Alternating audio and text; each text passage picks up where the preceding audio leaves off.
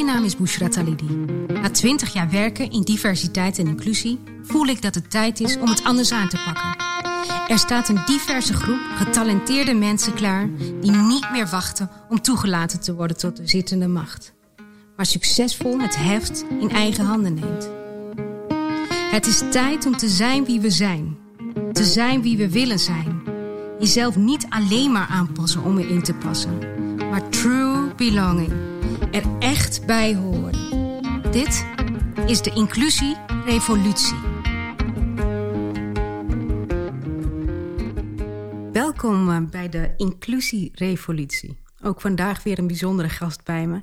En vandaag is dat Ismaël Achzenai. Welkom Ismaël. Dankjewel. En uh, Ismaël, voor de mensen die het niet weten, jij bent uh, docent Engels. Je bent een onderwijsprofessional, een adviseur ook daarin. Um, je bent ook een spreker, onder andere bij TEDx was ik. Uh, en je spreekt veel over kansen, ongelijkheid. En uh, heel mooi is ook dat je sinds uh, kort ook vader bent van een jongen. Dus gefeliciteerd ook. Dankjewel. Dankjewel. Leraar van het jaar Rotterdam in 2018.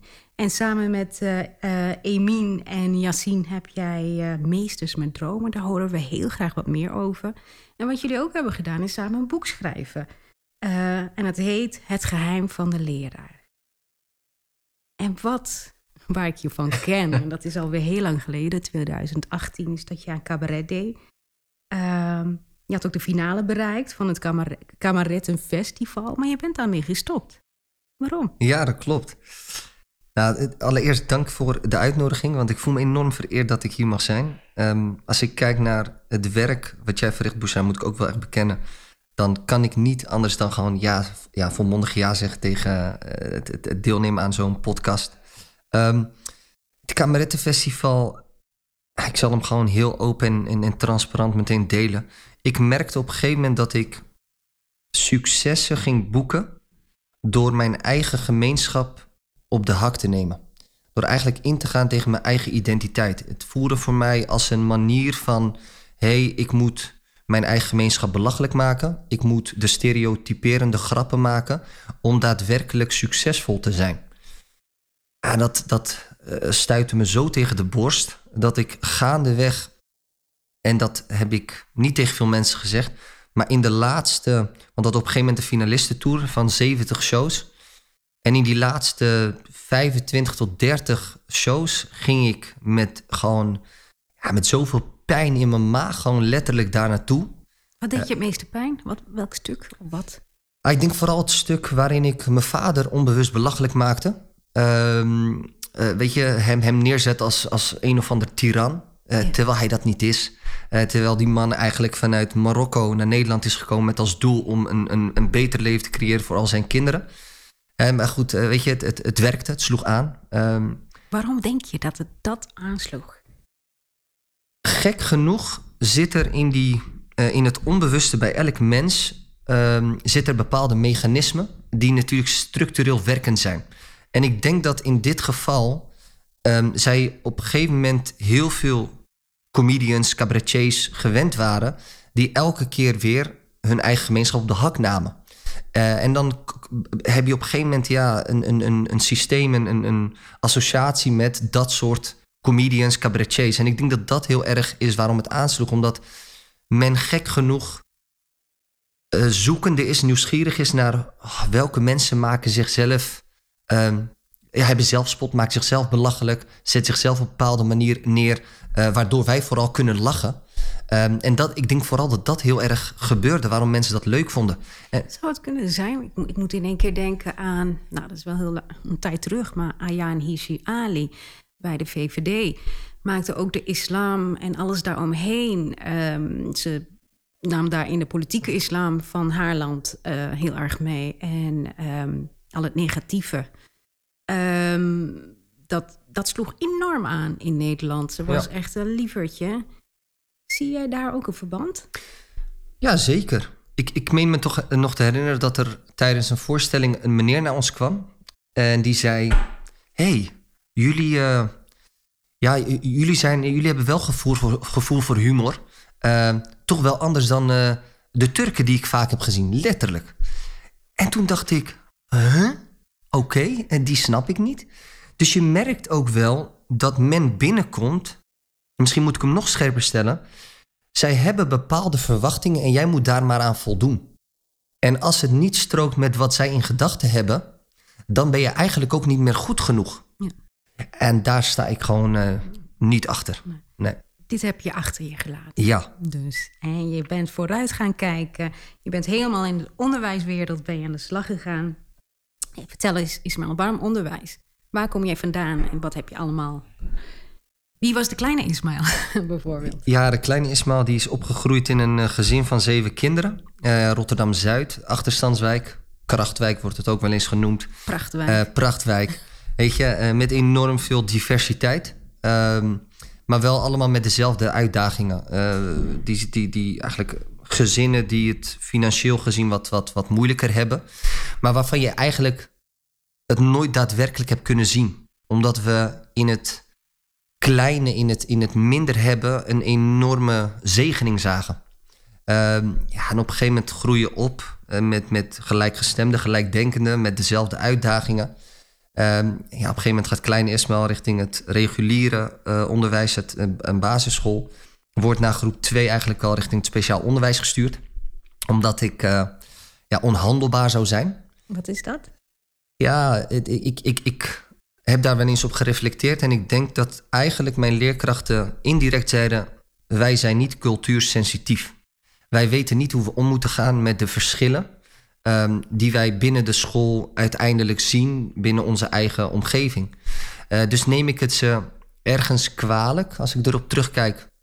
Heel, heel lange tijd heb ik ze heel erg kwalijk genomen. En op een gegeven moment denk ik, ja, dat was nog een tijd waarin zij kennelijk onvoldoende toegerust waren met, met, met vaardigheden, kennis om om te gaan met die verschillen. Maar dan breng ik hem nogmaals heel positief nu. Hè? Dus het ging om een stukje vak- vakmanschap die ze misten. En daarom is een jongetje van vijf naar speciaal onderwijs Ja, gestuurd. ja, ja, en toen kwam ik op speciaal onderwijs. En dat was een cluster 4 school. Eh, dus dat is eigenlijk voor kinderen met gedragsproblemen. Ja, dan zit je daar in je eerste interactie of contact eigenlijk met speciaal onderwijs... is meteen dat je vier of vijf leerkrachten een andere leerling ziet eh, fixeren. Ehm, ja, dat was kennelijk vroeger heel gebruikelijk en normaal speciaal onderwijs. Wat Ja. is dat, fixeerder? Ja, dat eigenlijk wat, wat politieagenten doen meestal bij, eh, bij, bij, bij boeven, bij criminelen... op het moment dat ze hen vastpakken met hun arm op hun rug. Ja, dat was gewoon letterlijk mijn eerste, ja, eh, eerste moment op het speciaal onderwijs... wat ik dus zag.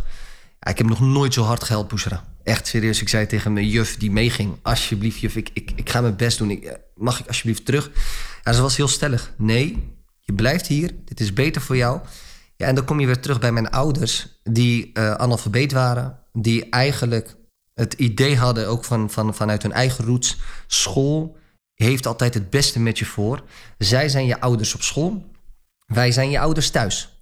Dus je hebt te luisteren. En mijn ouders waren ja, het, voltallig eens met hen. Ja, dan zit je daar en dan denk je... oké, wow, wat doe ik hier? Je voelt je minderwaardig. Je voelt je... eh, ik, mijn, mijn, eh, wat ze in de wetenschap zelffictie noemen... het geloof in eigen kunnen... was nog nooit zo laag. Ehm, ja, dan kom je weer in de buurt, in de wijk... waarin je bent opgegroeid. Krijg je toch opmerking... oh, eh, zit Ismaël op die Mogolenschool. Letterlijk. Ja, eh, je, dat- dat, zijn allemaal aspecten... die een enorm meespelen in ook je eigen ontwikkeling. Ja, toen ben ik... eh, maar mijn focus lag ook niet meer op, op zozeer het, het op school. Ik deed gewoon wat ik moest doen. Ehm, gaandeweg ja, heb ik, zoals dat in het Nederlands zeggen, ben ik een stapelaar geworden. Want vanuit speciaal onderwijs uiteindelijk VMBO-basis gedaan. MBO niveau 2, MBO niveau 3, MBO niveau 4. En toen de leraaropleiding Engels op het HBO. Dus ik heb echt eh, ja, heel veel stappen. Jouw verhaal doet mij denken ook aan... Ik heb ook Nora Akashar geïnterviewd. En zij, zij, zij vertelde dat ze met het busje werd opgehaald... Voor, eh, ook voor speciaal onderwijs. Achteraf, nu weet ze dat ze ADHD heeft. Maar ook niet goed, goed gedicht... Ge, nou, help mij zeg. Gedicht... Ge- vastgesteld. Ja, ja. Ja. We lopen allebei vast. Ja. Anyway, maar het was niet goed eh, vastgesteld. Gediagnosticeerd. Ja, is die. Eh, dus eh, Nora die, heeft hetzelfde dus mee- meegemaakt als jij, maar op een andere manier. En daardoor heb ik wel het idee, dan loop je toch wel even...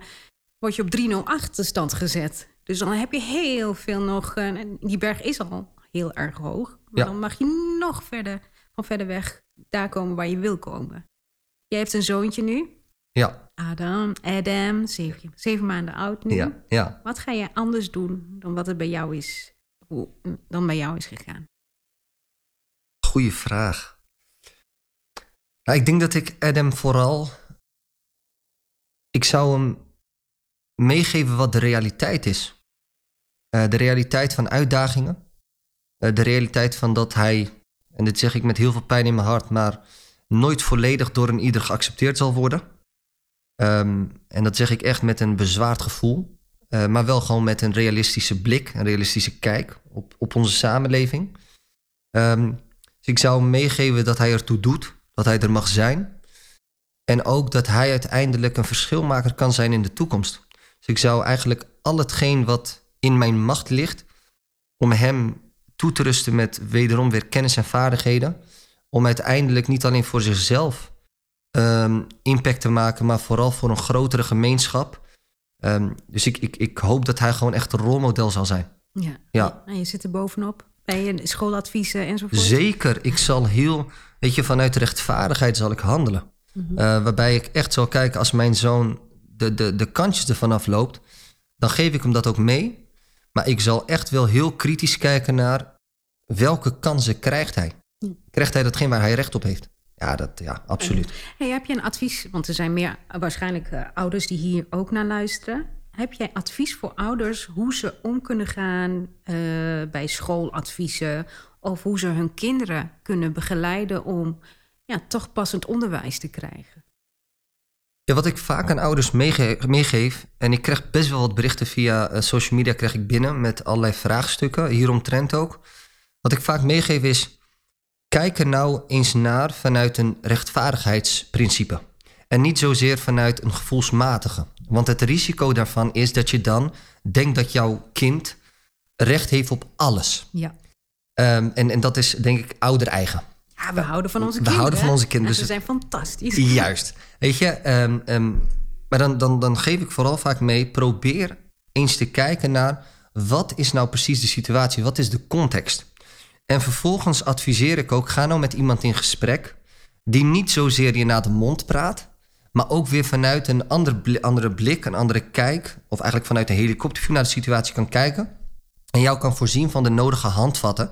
Want het kan soms echt zijn, en dat snap ik ergens ook wel. Uh, we willen graag dat onze kinderen, met alle respect, allemaal HAVO of VWO gaan doen. Want we willen, tussen aanhalingstekens, het beste voor onze kinderen. Alleen is dat niet het beste, altijd. Je moet gaan kijken naar waar liggen de kwaliteiten van mijn kinderen. Waar liggen de uh, interesses van mijn kinderen. En op het moment dat mijn kind dus vanuit school een, een, een VMBO-basisadvies krijgt, praktijkadvies of uh, uh, VMBO-TL, dan zou dat kunnen zijn dat dat best passend is. Kunnen we daar nog op vertrouwen? Want, nou ja, zoals jij weet, ook in het verleden werden vaak mensen met een biculturele achtergrond ondergeadviseerd. Kunnen we er nu in deze tijd op vertrouwen dat de adviezen die uh, gegeven worden door leraren, dat ze ook passend zijn bij wat de kinderen te bieden hebben. En dat zeg maar, dat stukje onbewuste vooroordelen niet meespeelt. Ik denk door de kentering in het onderwijs dat er op een gegeven moment een vergrootglas is komen te liggen op, op natuurlijk de kansenongelijkheid. Namelijk uh, dat je ondergeadviseerd wordt op basis van externe factoren, namelijk waar je wieg heeft gestaan bijvoorbeeld. Ja, dat dat echt wel wat heeft, uh, teweeg heeft gebracht in het onderwijs. Dus mensen zijn wel anders gaan handelen. Kun je er volledig op vertrouwen? Voor een groot deel wel, maar voor een deel ook niet. En dat zeg ik gewoon in alle eerlijkheid. We moeten ook realistisch zijn. Want wat er gebeurt is vaak dat er ook vanuit onbewuste vooroordelen, die natuurlijk opgebouwd zijn door ervaringen waar je vandaan komt, dat dat nog steeds meegenomen wordt in bijvoorbeeld zo'n advies. Ja. Dus ik geef vaak ook aan ouders mee, kijk nou eens naar de progressie die jouw kind heeft geboekt. Is dan het eindadvies passend bij die groei en ontwikkeling? Ga daarover in gesprek. Wat maakt dat zo'n leerkracht bijvoorbeeld zegt: Nou, ik adviseer VMBO-basis of ik adviseer HAVO? Wat ligt daaraan ten grondslag? Want soms is het ook gewoon zo dat leerkrachten niet, niet eens bewust zo'n keuze maken, maar echt vanuit hun intrinsieke motivatie denken dat dit het beste is. Hmm. Maar dan kunnen ook zij nog steeds ja, uh, uh, gekleurd zijn in die keuze. En dan moet je natuurlijk als ouder heel scherp in zijn. Uh, en de wegen bewandelen die bewandeld moeten worden. Want we hebben gewoon ook rechten ja. in dit land. En ja, dus kunnen we alles aannemen? Nee. maar moeten we erop vertrouwen? Ja, want dat zeg ik dan wel weer even, Bouchera. Ja. Stel dat op een gegeven moment we nergens meer in het onderwijs kunnen vertrouwen als het hierom gaat. Ja. Ja, da- da- dan vind ik dat we heel het onderwijs moeten opdoeken. ja, dan is het klaar. Ja, dan is het Dus een einde klein van. beetje vertrouwen is zeker wel... Maar blijf kritisch, dat hoorde ik. Blijf, blijf constructief kritisch. Constructief kritisch. Ja, ja. Dat is het advies, zeg maar, aan de ouders Ja. of aan de jongeren zelf. Ehm, maar je hebt ook advies gegeven aan docenten. En in het boek Het geheim van de leraar. En ik zei net, net al, heb je samen met Emin uh, Kichichi ja. en Jaya, Jaylala. Ja. Jalala. Ja, ja, op zijn Turks is het jij lallen. Ja, Jalla. Maar hij zegt Jalla. inderdaad eh, vaak eh Jalali. Ja, ja. ja, want als je het zo... daar- je hebt een boek geschreven, Meesters met eh, Dromen, samen met Emin en Yassine. En het boek heet Het geheim van de leerdaad. Vertel, wat staat daarin? Nou, ei- eigenlijk wat zo mooi was in, in het proces naar, het uiteind, naar de uiteindelijke versie, naar, naar, naar toen, het boek, toen we het boek in handen kregen, was dat we heel veel geluiden kregen vanuit het onderwijs, heel veel professionals spraken in alle sectoren, vanuit het PO, VO en het MBO, maar ook het speciaal onderwijs en het praktijkonderwijs. Dat heel veel geluiden naar voren kwamen van ik weet het niet meer. Ik zit met de handen in het haar, ik kom er niet meer uit. Ik, Ehm, en er werd heel veel werd er neergelegd bij de leerling en de student. Ja, het ligt aan hen. Hun, hun gedrag verandert. Zij zijn veranderd. Het ligt, ja, ze zijn brutaler geworden. Ze zijn gedemotiveerder. Dus er werd heel makkelijk heel veel afgeschoven op, op het kind, op de leerling, de student. Ja. En in mindere mate werd er hand in eigen boezem gestoken. Los van het feit dat er altijd leerlingen en studenten zijn die echt wel de kantjes ervan aflopen. Die zijn er altijd. Die zijn er altijd. Maar ik, we merkten heel erg dat er op een gegeven moment behoefte was aan even weer teruggaan naar de kern, naar de basis. En wat we zijn gaan doen is dus we zijn interviews gaan houden en, en met, met verschillende professionals, maar ook op een gegeven moment met leerlingen en studenten. We hebben dus eigenlijk twee vragen gesteld aan, eh, aan de professionals en aan leerlingen en studenten. Aan de studenten vroegen we en leerlingen vroegen we eigenlijk welke leraren hebben voor jou het verschil gemaakt en wat deden zij precies? En aan professionals stelden wij de vraag welke leerlingen zijn jou bijgebleven? Wat kreeg je terug van hen? Wat zeiden zij vooral dat jij hebt gedaan waardoor zij ja, jou nooit meer zijn vergeten? Wat mooi. Ja, dat vond ik zo, we vonden dat zo treffend, omdat je daarmee de echte verhalen ook kreeg. En toen kwam op een gegeven moment naar voren van ja, ehm, eh, authenticiteit, ja, dus echtheid. Er kwam naar voren ehm, eh, hoge positieve verwachtingen die er waren, maar ook een hele fijne, en noem ik het even gezonde schoolcultuur. Er kwam naar voren eh, eh, dat er echt geïnvesteerd werd in de relatie en communicatie. Maar ook het stukje structuur en duidelijkheid. Oh ja. En dat hebben we uiteindelijk dus getransformeerd naar vier eh, hoofdprincipes, thema's. En dan zie je dus dat ook vanuit tal van onderzoeken, wetenschappelijke onderzoeken, dat dus dit soort thema's al zo lang worden benoemd, maar tegelijkertijd in de praktijk weinig tot uiting komen. Dus als we bijvoorbeeld zeggen, ja, relatie en communicatie is belangrijk, nou dan wordt er bijvoorbeeld vanuit eh Daisy en Ryan eh, eh, een welbekende eh, theorie, namelijk de zelfdeterminatietheorie, waarin ze zeggen relatie, eh, relatie, competentie en autonomie zijn heel belangrijk. Maar die relatie, wat is nou een kwalitatieve relatie? In hoeverre zijn we oprecht geïnteresseerd in de ander? En dat gaat dan over wat, wat, wat men vaak vanuit de wetenschap zegt, het cultureel eh, eh, sensitiever werken. Rekening houden met verschillen, aansluiten op de leefwerelden. Weet je, maar als je dan men vraagt, eh, vooral professionals ook, wanneer heb je voor het laatst oprechte interesse getoond in je leerlingen? Ja, laatst nog. Hoe? Nou, eh, ik, elke ochtend zeg ik bijvoorbeeld goedemorgen. Ja, maar dat zegt de bakker om de hoek ook. Weet je, wat maakt jou anders? Wat doe je precies? Nou, weet je, daar hebben we dan hele concrete eh, handvatten in verwerkt, ook in het boek. Gaan jullie dan ook in op, eh, want hè, je verdiepen in de ander, dat is wat makkelijker als, als mensen zijn die op je lijken. Ja. En eh, kijken jullie daar ook naar? Jazeker. Sabrina Al-Hanashi is een eh, eigenlijk onderwijswetenschapper, ook, ook ho- hoogleraar aan, aan, aan de universiteit. En zij heeft onderzoek gedaan naar het, een, het, een, een mooie thema, namelijk cultureel responsief lesgeven.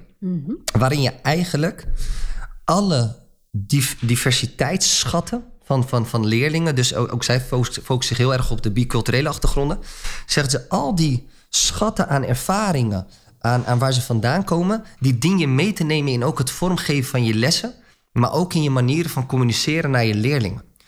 wat zo bijzonder is, is dat je dus ziet dat er heel vaak een mismatch is tussen verschillende culturen.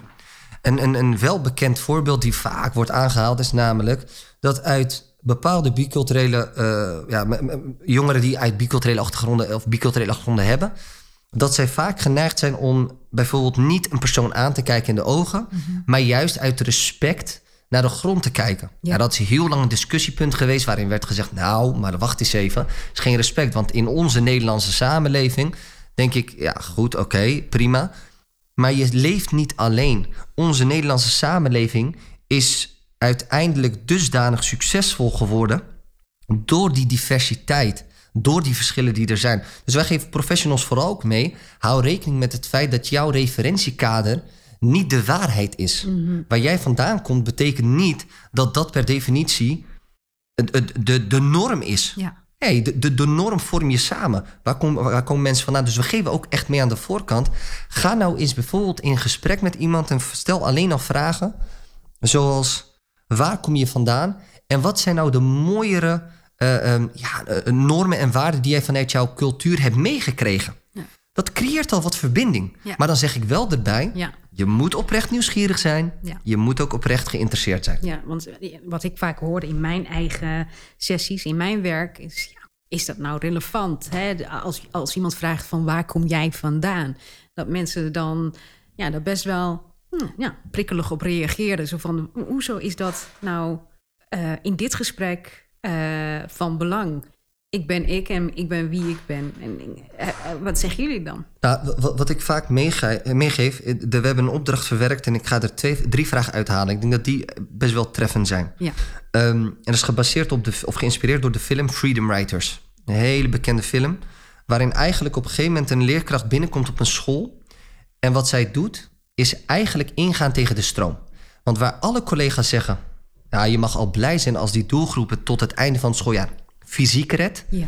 Zit, zegt zij, nee, ik ga tegen die stroom in. Ik ga er volledig voor. En dan moet, moet je beseffen dat het eigenlijk in die klas zitten dus verschillende groepen. Uh, de, de, de Asians, uh, de uh, Latin Americans, de wat heb je nog meer? Oh ja, de Afro-Americans. Ja. Dus je hebt een hele ge doelgroep. En op een gegeven moment gaat zij eigenlijk volledig investeren in die, in die relatie. Is ze oprecht geïnteresseerd, is ze oprecht nieuwsgierig. En dan komt ze tot het besef, deze doelgroep heeft een laag cultureel kapitaal. Heeft een laag sociaal kapitaal. Ofwel, ze hebben weinig netwerk. Ze hebben eigenlijk nog nooit iets, weet je, zijn nog nooit uit eten geweest. Omdat ze het simpelweg financieel niet hebben. En daar heb ik uiteindelijk drie vragen uit gedestilleerd. Prachtige vragen. Vraag 1 is: wie is een van de meest dierbare personen in jouw leven? En waarom stel ik die vraag? Is omdat je namelijk op dat moment weet wat iemand raakt. Dus op het moment dat je dan een gesprek hebt met een student, leerling of een collega, kun je zeggen: hey, jij wilt toch die ene persoon zo trots maken, ja? Is dit dan de juiste weg die je opgaat? Hmm, ja, goede vraag. De tweede vraag die ik stel is: wat is een van de mooiste momenten in je leven? En dan krijg je dus antwoorden als: kan dit zijn, dat zijn. Nou goed, uiteenlopende antwoorden. Waarom stel ik die vraag weer ook in het boek? Is omdat ik dan vervolgens een succeservaring heb. Hmm. Dus wij kunnen dan stilstaan bij dat mooie moment. Dus elke keer als zo'n student of leerling of een collega er even doorheen zit, kun je weer refereren naar dat mooie moment. Weet je nog wat voor gevoel je daarbij had? Weet je, de trots die je had? Dus zie je nou dat het ook mogelijk is dat er veel te bereiken valt? En dan één laatste vraag, en die is wat, wat, wat pijnlijker. En dit, dat, gaat natuurlijk wat meer de diepte in. Namelijk, wat is een van de pijnlijkste momenten in je leven? Mm. En de reden waarom ik die vraag ook stel... en specifiek ook in het boek heb opgenomen... is omdat die vraag ervoor zorgt dat je in kaart kunt brengen... wat iemand nou beweegt. Wat maakt dat iemand bepaalde keuzes maakt... of bepaalde uitingen doet, verhandelingen verricht. Dus dan ga je terug naar mezelf als voorbeeld... Wat maakt dat Ismaël zo'n bewijsdrang heeft? Omdat Ismaël op jonge leeftijd naar het speciaal onderwijs is gestuurd... zonder dat daar een geldige reden voor was, vind ik, zeg ik dan maar even. Weet je, dus die drie vragen maakt dat je... Eh, om dan even toch wel stil te staan bij het thema van ook waar we vandaag voor zitten... maakt dat je veel inclusiever aan de slag kunt gaan. Ja, ik vind het prachtige vragen. Ik vind het echt heel erg mooi. Uh, ik ga ze ook stelen. Mag, mag, dus zeker. De mensen aan wie ik trainingen geef, weten dat ze eraan komen. Yes. Dat is echt supergoed, Dank. want wat je doet, het zijn algemene vragen... die toch heel veel over iemand uh, ja, kunnen, kunnen vertellen. Ik vind het uh, ja, super mooi. Ismaël, wat ik ook ehm, las, is dat jullie het in het boek over de Rosenthal-effect en de Golem-effect hebben. Ja. Kun je ons daar wat over vertellen? Ja, dat, dat, dat gaat eigenlijk even vrij vertaald. Gaat het over hoge positieve verwachtingen en lage verwachtingen. En, en, en dan is vooral het Rosenthal-effect ook wel het Pygmalion-effect genoemd. Dat, zijn, dat is eigenlijk hoge positieve verwachtingen. Wat je dus eigenlijk ziet, en dat blijkt ook uit tal van onderzoeken, eh, als we hem dan even toespitsen op de biculturele Nederlanders, is dat zij veelal te maken hebben met een Gollum-effect, lage verwachtingen. Op basis van externe factoren. Uh, zijn je ouders taalvaardig of niet? Of zijn ze analfabeet? hebben ze een, een, een, bepaalde opleiding of een hoge opleiding genoten? hebben ze een, een, een, grote, dikke portemonnee of niet? Komen ze, ga ik even chargeren, uit het gooi? Of, of zijn ze opgegroeid in Kanaleiland in Utrecht? Weet je, daarin zie je gewoon dat die verwachtingen dusdanig laag zijn... en die worden ook structureel geprojecteerd op de biculturele Nederlanders. Mm. Ik moet wel even erbij verkennen dat je inmiddels ziet... dat het veel breder getrokken wordt, die lage verwachtingen... want eigenlijk heeft het vooral te maken met je sociaal-economische kapitaal. Okay. Dus waar kom je vandaan? Ja. Uh, wat is de dikte van de portemonnee van je ouders? Die is enorm bepalend. Ja. Zo zie je dus ook dat er uitingen worden gedaan, ook in het onderwijs... van ja, ik snap wel waarom dat kind zich zo gedraagt kijk naar die moeder. Ik snap wel waarom zo'n kind dat gedrag laat zien. Ja, als ik kijk naar die ouders. Dus we, zijn, we hebben zulke laag verwachtingen van die kinderen... die dus eigenlijk niet ervoor hebben gekozen om op te groeien... in bepaalde omstandigheden, in leefomstandigheden. Maar wat zeggen we dan? Nee, ik heb hoge positieve verwachtingen hoor.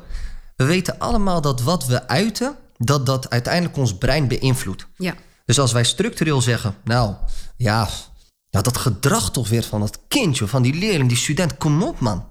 Betekent het, boem, je krijgt weer een negatieve gedachtegang, dus je mindset wordt ook negatief beïnvloed. Terwijl hoge positieve verwachtingen, wat helaas vaak heel erg wordt toegespitst op didactische vraagstukken, dus bijvoorbeeld, geef ik wel voldoende bedenktijd, stel ik wel voldoende vragen, mm -hmm. geef ik elk kind dezelfde, uh, um, ja, dezelfde ruimte om na te kunnen denken? Of uh, verdeel ik de beurten evenredig in de klas? Ja. Gaat het ook vooral, en daar zijn we in mindere mate mee bezig, over het vriendelijk zijn, het complimenteren, het daadwerkelijk laten zien dat je om die kinderen geeft. Weet je, want dat is het vaak, hè? Weet je, en dat is voor mij dan ook weer een lijn met inclusief denken. Want als jij in staat bent om hoge positieve verwachtingen te hebben van je leerlingen en je studenten, dan creëer je een samenleving waarin pijn wordt gezien als iets wat structureel omgezet kan worden in kracht. Mm. En niet als, ja, zie je nou, ik heb dit meegemaakt, ik doe er niet toe. Ik heb het jarenlang zelf meegemaakt, Boestra. Ik dacht jarenlang dat ik er niet mocht zijn. Mm. Sterker nog, ik, ik, en dit zeg ik wel eens in lezingen, voor het eerst in de podcast dat ik dat zeg. Maar dat ik echt letterlijk met, met mijn vrienden, door alle krachttermen die we naar ons hoofd geslingerd kregen, dat ik gewoon zei: zie je nou, ze haten ons. Wij mogen niet in dit land zijn. Wij zijn niet welkom in dit land. En dan word je ouder en dan denk je: oké, moet ik daarin blijven hangen? Nee, ik moet eruit stappen. Uh, want ik, ik wil geen slachtoffer zijn. Ik wil gewoon een. Ik, ik, ik ben iemand die krachtig is. Ik heb potentie, ik heb kwaliteiten. En dat, heb ik, en dat geef ik vooral mee aan professionals ook. Sta nou eens stil ja. bij hetgeen wat je zegt en of dat correspondeert met wat je echt wat je, wat je voelt. Weet je, want als je zegt, ja, ik heb hoge positieve verwachtingen, of je voelt het, ja, ik heb, maar correspondeert dat ook met, met, met je daden? Ja. En, in alle eerlijkheid, en dit is vaak pijnlijk om te benoemen, ja. uh, omdat, omdat mensen dit heel lastig vinden, maar dan zeg ik maar, het is goed als je ongemakkelijk voelt. Het is goed als je je aangesproken voelt. Want dat betekent dat je kennelijk uh, niet op de juiste weg bent. Of je moet dan eigenlijk bij jezelf te raden gaan. Waarom voel ik dit? Ja, jezelf aangesproken voelen is geen, is geen ramp. Het, het creëert juist eigenlijk uiteindelijk perspectief. Want dan weet je, hé, hey, ik moet nog een weg inslaan. Dus ja, dat, dat, dat is vooral iets als je kijkt naar die twee thema's. Nou, ik vind het super, super mooi. En uh, het boek heet Het geheim van de leraar. En ik adviseer elk leraar om het boek te lezen in elk geval. Want het is echt heel, heel inspirerend om te horen wat er zo al in staat. Maar als ik je ook hoor tegelijkertijd denk ik van... hé, hey, maar die adviezen die erin staan... zouden die ook niet voor het bedrijfsleven en onze hele samenleving moeten gelden? Ja, ik, ik vind het heel mooi dat je dat aanstipt inderdaad. Het bijzondere van alles is toen wij dit boek dus uh, hadden geschreven... En terug gingen kijken op de thema's, maar ook vooral de gesprekken eh, aangingen met mensen in, onze net, in ons netwerk. En de vragen stelden van, hey, weet je, wat vind jij ervan als je dit hoort? Dan merkte je eigenlijk dat iedereen, los van het onderwijs, ook aangaf... ja, maar dit is toch gewoon toepasselijk op, op, op, op eigenlijk ook het bedrijfsleven. Dus, dus wat we ook hebben gezegd gaandeweg is op het moment dat er interesse is... en gelukkig komen er wat meer uh, ook, ook, ook bedrijven binnen bij ons... die dus echt zeggen van... hey, zouden jullie ons bijvoorbeeld willen trainen in dat cultuursensitieve werken? Of bijvoorbeeld, hè, hoe gaan, wat is authenticiteit dan bijvoorbeeld? Wat zijn hoge positieve verwachtingen? Want het gaat niet alleen om de verwachtingen die je hebt op je leerlingen en studenten. Het is ook de verwachtingen die je hebt over elkaar als professionals. Weet je, want ik zeg dan maar even: er is geen organisatie die kan floreren, groeien, bloeien. zonder dat er een veilige cultuur is, ofwel een cultuur die bol staat van hoge positieve verwachtingen naar elkaar. Ja. Maar dat is gewoon de kern. Ja. Dus daar, daar, daar zijn we. Dus ja, het advies is: lees het vanuit, vanuit jouw, jouw eigen bril. Ja. Ja, en, en, ik denk dat je heel ver kunt komen, ja zeker. Zeker. Dus oké, dus niet alleen leraren, docenten enzovoort. Iedereen kan er wat mee met dit Zeker. Boek. Hartstikke goed. Over de gesprekken uit deze podcast schrijf ik het boek De Inclusierevolutie. Dat komt binnenkort uit. Volg mij via mijn social media om op de hoogte te blijven.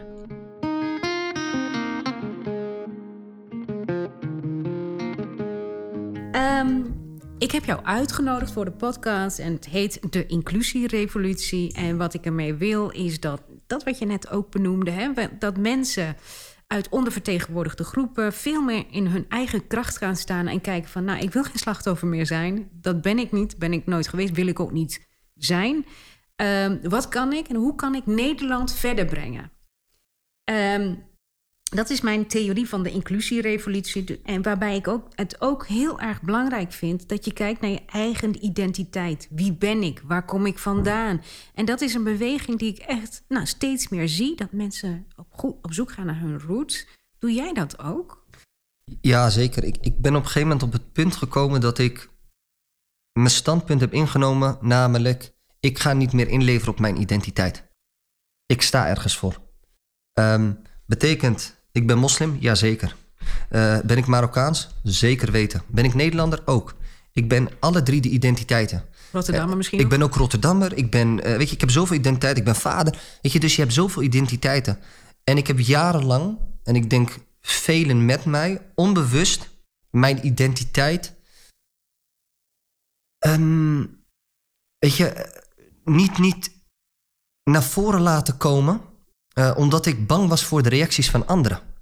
Um, ik, ik heb jarenlang heb ik het eigenlijk onder stoelen en banken gestoken met dit idee van, oh ja, weet je, men zal daar wat van vinden. Ja, nu niet meer. Ik sta ervoor, ik draag het uit. Was dat na 9-11 bijvoorbeeld veel erger? Ja, na 9-11 zeker. Ik denk dat dat. Ik was, ik was ben 1991 geboren. Uh, 2001 is het uh, natuurlijk gebeurd. Ja, weet je, op een gegeven moment groei je op. Je ziet hè, dat er op een gegeven moment een bepaald beeld ontstaat. En in dat beeld, met alle respect, zitten we nog steeds. Nog steeds word je als Marokkaan weggezet. Nog steeds word je als Turk weggezet. Nog steeds word je als biculturele Nederlander weggezet als een tweede rangsburger. En het bizar, bizar, bizarre van alles is dat, en dat vind ik ook tegelijkertijd bijna uh, ironisch, is dat mensen die dus dit niet meemaken, altijd in staat zijn om te zeggen: ja, maar zo erg is het toch niet? Nee, omdat jij het niet ervaart. Je maakt het niet mee. Dus ik heb voor mezelf gezegd: wil je daadwerkelijk krachtig zijn en wil je iets voor anderen kunnen betekenen, dan moet je ook ergens voor staan. Want als er één ding is wat eigenlijk echt funest is voor, voor, voor, en, en desastreus is voor een, voor een persoon, is namelijk je anders voordoen en vervolgens gaandeweg moeten zoeken naar wie ben ik nou, waar sta ik nou precies voor.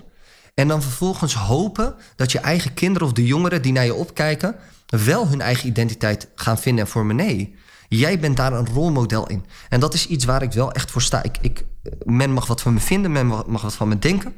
Dit is wie ik ben. Accepteer het of niet. Ik sta voor de verbinding. Ik sta voor liefde, voor, voor, voor, uh, voor verbondenheid. Ik sta voor het daadwerkelijk helpen van een ieder. Ongeacht waar mensen vandaan komen, wie ze zijn, uh, waar ze in geloven. Maar ik sta wel voor mijn identiteit. En dat is wel iets wat ik heel kenbaar maak als ik me namelijk ergens niet zo lang bij voel. Ja. Omdat dat indruist tegen mijn identiteit. Waar ik voorheen zei, oh, ja, ging ik, ja, weet je, eromheen praten. Ja, ja. Dan zeg ik nu gewoon, ja, nee, sorry, dat, dat doe ik niet. Wat is het gekste wat je ooit hebt gedaan om eh, erbij te horen? Oh, goede vraag. Ehm oh, die is heel lastig. Ik vertelde bijvoorbeeld in een van de eerdere podcasts dat ik eh, toen ik bij een advocatenkantoor werkte, mijn haar straighten en blondeerde. Strak in de is eh, verschrikkelijk. Ehm, dat soort dingen. Dat je toch bij, ja ik, ja, ik drink geen alcohol toen ook niet, maar dat je dan toch daar staat eh, met ja, een glas water in je hand. Ja, ja. Ehm, en dat ik me totaal niet thuis voelde, maar wel probeerde. Want ja, dat was de enige manier om mee te doen.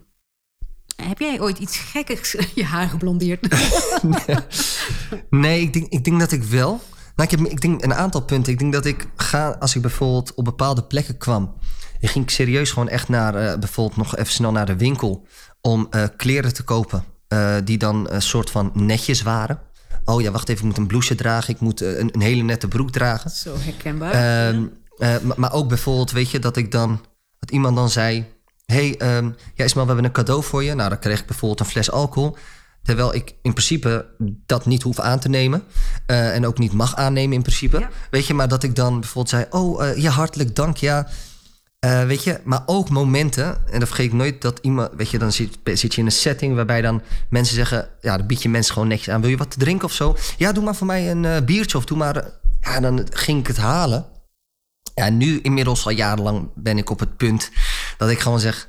Ik wil alles voor je halen, maar geen alcohol. Ik haal cola voor je, Fanta, wat je wil. Maar dat gaat het niet worden. Ah, oké, nee. dus- dus- ik maakte het laatst meer bij de boekpresentatie... dat iemand zei... eh hey, ja, doe maar voor mij dat. zei ik, ja, sorry. Ik zeg, dat eh, kan ik niet voor je halen. ja. Ik zeg, als je iets anders wil, dan wel. Maar dat is ook een beetje hoe ouder je wordt, hoe meer je we- weet wie je bent en wie je wil zijn en Ja. waar je voor staat. En dan kun je het ook veel ja, zelfverzekerder overbrengen. ja. En die ander neemt, ja, die vindt het ook vaak wel oké als je het goed uitlegt. En ehm, dus dat is misschien ook wel iets wat wij nodig hebben. Ja, naarmate we ouder worden, gaat het wat meer vanzelf. Ja. Voel jij je thuis in Nederland? In totaal in één keer bam. ja goeie vraag. Ja. Ehm, niet altijd. Nee. Nee. Nee, niet altijd. Ik... ehm, Nee, en dat- en dat is gewoon ook door het politieke klimaat. Eh, weet je, dat, dat is gewoon wat er gebeurt in onze samenleving. Zijn er heel veel goede mensen in dit land? Ja, zeker. Eh, die daadwerkelijk openstaan voor een ieder. Ehm, maar ik denk ook dat er een grote groep is die zegt dat ze daadwerkelijk senang zijn met, met de diversiteit. Eh, en ook echt staan voor inclusie. Maar in werkelijkheid, in, die, in die uitvoering, gewoon daar volledig haaks op sturen. Ehm, dus voel ik me altijd volledig thuis? Nee, als ik kijk naar het politiek klimaat ook, weet je, als ik soms de Tweede Kamer eh, debatten kijk, waarin het gewoon heel normaal is om groepen te bagatelliseren, groepen weg te zetten, groepen te, te denigreren. Ja, dan denk ik, is dit het land wat altijd hè, op de voorgrond stond van ja, tolerantie? et cetera? Ja, nee. Dus ik, ik, ehm, voel me ook Nederlander. Ja. Ehm, maar ik weet dat gewoon er, echt een deel in Nederland is die mij gewoon echt gewoon volledig als Marokkaan ziet. En, dan, en in het begin vond ik dat erg. Wanneer voel je je Nederlander?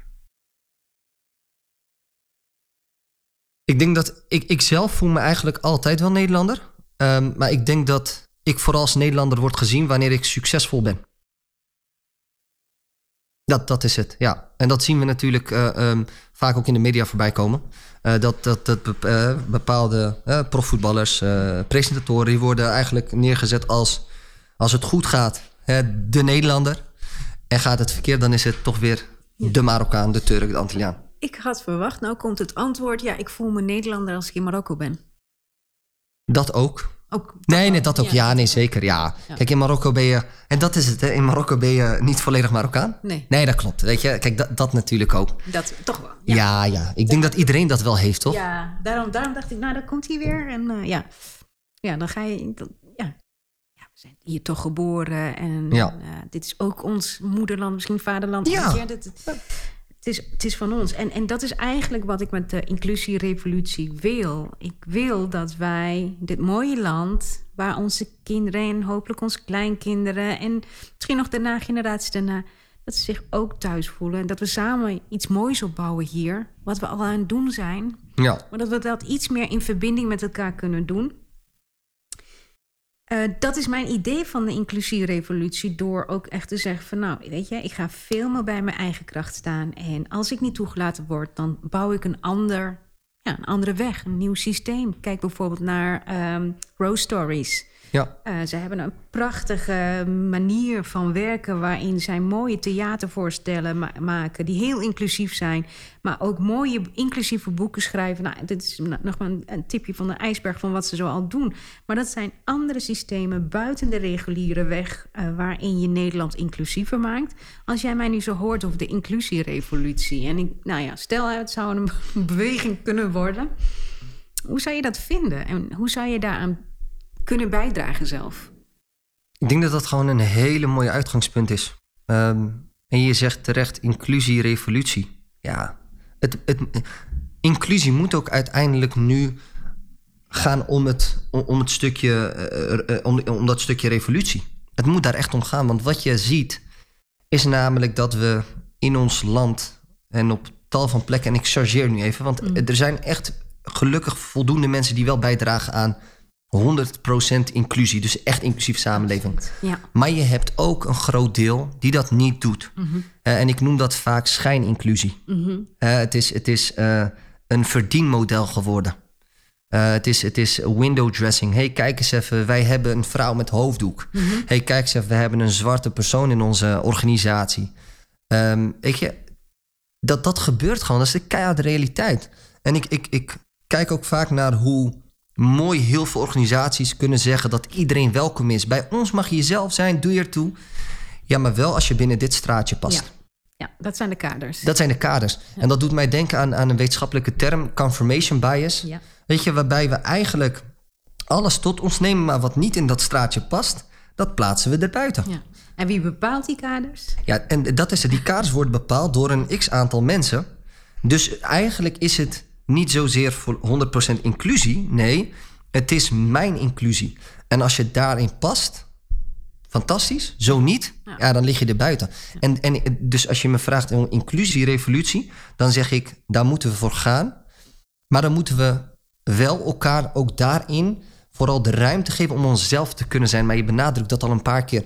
Want voor mij is 100% inclusie dat er ook ruimte is voor diversiteit. Ja. We hoeven het niet met elkaar eens te zijn. Nee. Weet je, we hoeven niet uh, allemaal door, dezelfde, uh, door hetzelfde hoepeltje te springen. Mm -hmm. Volgens mij is de kern van inclusie dat we de verschillen erkennen, dat we elkaar respecteren en dat we ook van mening mogen verschillen. Maar dat we wel te alle tijden zeggen: hé, hey, dit is er. Want zelfs dat, dat diversiteit vandaag de dag nog een, een, een discussiepunt is. Ja, weet je, kom op. Gaat het ooit stoppen? De optimist in mij zegt ja. en, de, en de realist in mij zegt nee. Nou, laten we de optimist even omarmen. Ja. de realist die zegt dan nog van let op, kijk uit. Ja, de, de, de realist in mij zegt... Um, we kunnen heel veel mensen nog wel echt meenemen hier, hierin. Ik denk dat heel veel... Het, weet je, je ziet ook wel dat steeds meer mensen bewuster worden, gelukkig. Ja. Um, en, ik, en ik, ik, ik geloof ook in het feit dat heel veel mensen daarin zullen volgen. Maar ik zeg ook ergens, en dit klinkt bijna heel filosofisch... Mm. maar ik denk dat er een aantal harten ook gewoon blind zijn... voor het daadwerkelijk bereiken van de boodschap van de realiteit. Sommige mensen zitten zo verwikkeld in hun eigen systemen... dat het eigenlijk niet uitmaakt hoe jij je presenteert, hoe jij je opstelt... Uh, al, al, al werken ze met jou zij zullen toch altijd een bepaalde moeite met je hebben. En dan komt mijn, in mijn uitspraak die ik vaak gebruik. Accepteer nou gewoon het feit dat je nooit volledig door een ieder geaccepteerd zult worden. Ja. Want dat geeft je rust. Ja. En focus je vooral op degene die, wel, die, wel jou, die jou wel accepteren en die jou zien voor wie je daadwerkelijk bent. Ja. Ongeacht die verschillen, ongeacht de, de, de, de, uh, de normen en waarden die soms haaks op elkaar kunnen staan. Want in de kern uh, hebben we gewoon het respect voor elkaar, weet je. Ja. Dus ja, dat is de realist in mij. En nog één ding. Ik heb in, uh, in in, uh, in de podcast ook met een aantal mensen gesproken van, nou, we moeten ook naar ons eigen gemeenschap kennen, uh, kijken. De, de, de stem, de, wij noemden dat de Marokkaanse stemmetjes, die dan ja. ook dingen zeggen. Hoe kunnen we het onszelf nou ook makkelijker maken om echt te landen in Nederland? Zon en ook zelf inclusief te zijn. Dus bijvoorbeeld zeggen van oké, iemand is van een LHBTI, hij is homo of lesbisch. Leef je eigen leven. Wat kunnen we zelf doen? Ik, ik, ik, denk vooral heel veel bewustwording creëren. Want, want vandaar dat ik dat ook echt bewust benoem. Hè. Het stukje, vaak ziet men, en dat komt misschien ook wel door de weg die we zijn ingeslagen met inclusie. Um, we hebben van inclusie hebben we. Uh, door de inclusie die we vandaag de dag nastreven, excluderen we ook soms onbewust. Of niet eens uh, onbewust soms, maar soms ook bewust. Hoe je je eigen gemeenschap ook daarin mee kunt nemen, is door soms gewoon te refereren naar, je, naar die identiteit. Want eigenlijk, als we kijken bijvoorbeeld naar religieuze identiteit of je culturele identiteit, dan zeggen we: je hoeft niet achter alles te staan. Je dient wel elkaar te respecteren. Dat is volgens mij de kern. We hoeven niet met elke uh, wind mee te wijen. Maar wat we wel zeggen is: we leven in een samenleving waarin er gewoon sprake is van pluriformiteit. Dus we dienen elkaar gewoon te respecteren. Dat betekent niet dat ik achter iedereen moet staan, dat ik het met elke groep eens moet zijn, dat ik me moet uh, ja, conformeren tot een bepaalde gedachtegoed. Nee. en dan komen we weer terug bij wat ik net zei, Bushra. Dit is mijn identiteit, dit is waar ik voor sta. Uh, ik vraag ook niet aan mensen om massaal moslim te worden. Nee. Uh, weet je? En men hoeft mij ook niet massaal te vragen om achter dingen te staan waar ik mij niet zo lang bij voel. En ik hoop ook in onze eigen gemeenschap, uh, die natuurlijk soms ook in alle eerlijkheid best wel goed zo in elkaar onderuit halen. Hoe pijnlijk dat ook klinkt, maar het is wel de realiteit. Ja. Dat zij ook inzien dat dit niet bevorderlijk is. Dat het niet stimulerend is, maar dat het eigenlijk belemmerend werkt. Um, dus ja, dat, dat zou ik vooral, vooral meegeven. Even gewoon dat eerlijke gesprek van... hé, hey, wacht eens even. Als jij zegt, hier sta ik voor... respecteer dan een ieder. Dat is een hele mooie. Ik ga naar mijn laatste vraag. Ja. Jij zei net dat je de vraag stelt: wat heeft een leraar ooit tegen jou gezegd wat je nooit meer bent vergeten? Wat heeft een leraar ooit tegen jou gezegd wat je nooit meer bent vergeten? Ja, het eerste, dan komt het eerste het pijnlijke in me naar boven. Ah, ja. Nog steeds? Ja, ja, ja, ja, ja. ja. Het, het, ik denk dan, als, als, ik, als ik zowel negatief als positief mag benoemen... Um, het, heel, ja, zo zie je maar wat, wat woorden kunnen doen. Het eerste is namelijk dat ik dom ben. Dat, dat, het komt als eerste in me naar boven. Um, en wanneer was dat? Ja, dat was op het VO. Ja, dat was ik uh, 12, 12, 13, 14 jaar of zo. Zoiets. Ja, dat was echt... Uh...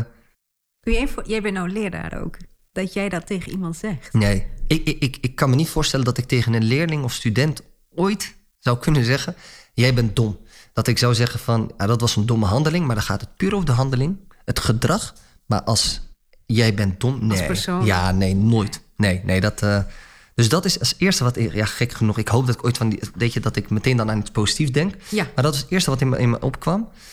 En als ik denk aan het positieve, ja, dat is uiteenlopend. Maar ik denk vooral uh, ga ik toch weer ja, twee leraren ga ik even uh, in, het, in het zonnetje zetten. Namelijk uh, mevrouw Bento en meneer Verbeek. Het waren mijn docenten op het HBO. Ze heeft bij mij best wel lang geduurd, moet ik zeggen. maar wat zij eigenlijk zeiden is... weet je, als ik, als ik hem ga samenvoegen... hadden zij dus die hoge positieve verwachting... Die, dat Pygmalion-effect hadden zij. Namelijk we geloven in je. Je gaat veel bereiken. Je gaat daadwerkelijk van waarde zijn. En je gaat verschil kunnen maken in het leven van heel veel leerlingen en studenten. Uh, dus doe dat vooral. Blijf dicht bij jezelf. Ja, fantastisch. Ja. Ismael, heel, heel veel, heel veel dank dan voor al je mooie wijze woorden, je mooie verhalen en je openheid. En ik wens je ontzettend veel succes, ook met je boek uh, Het Geheim van de Leraar, samen met je Irmin en Yassine. En uh, aan de luisteraars wil ik zeggen, nou, tot de volgende inclusierevolutie. Wil je deel uitmaken van deze revolutie? Sluit je dan aan of deel deze podcast met je vrienden. Dank en tot de volgende revolutie.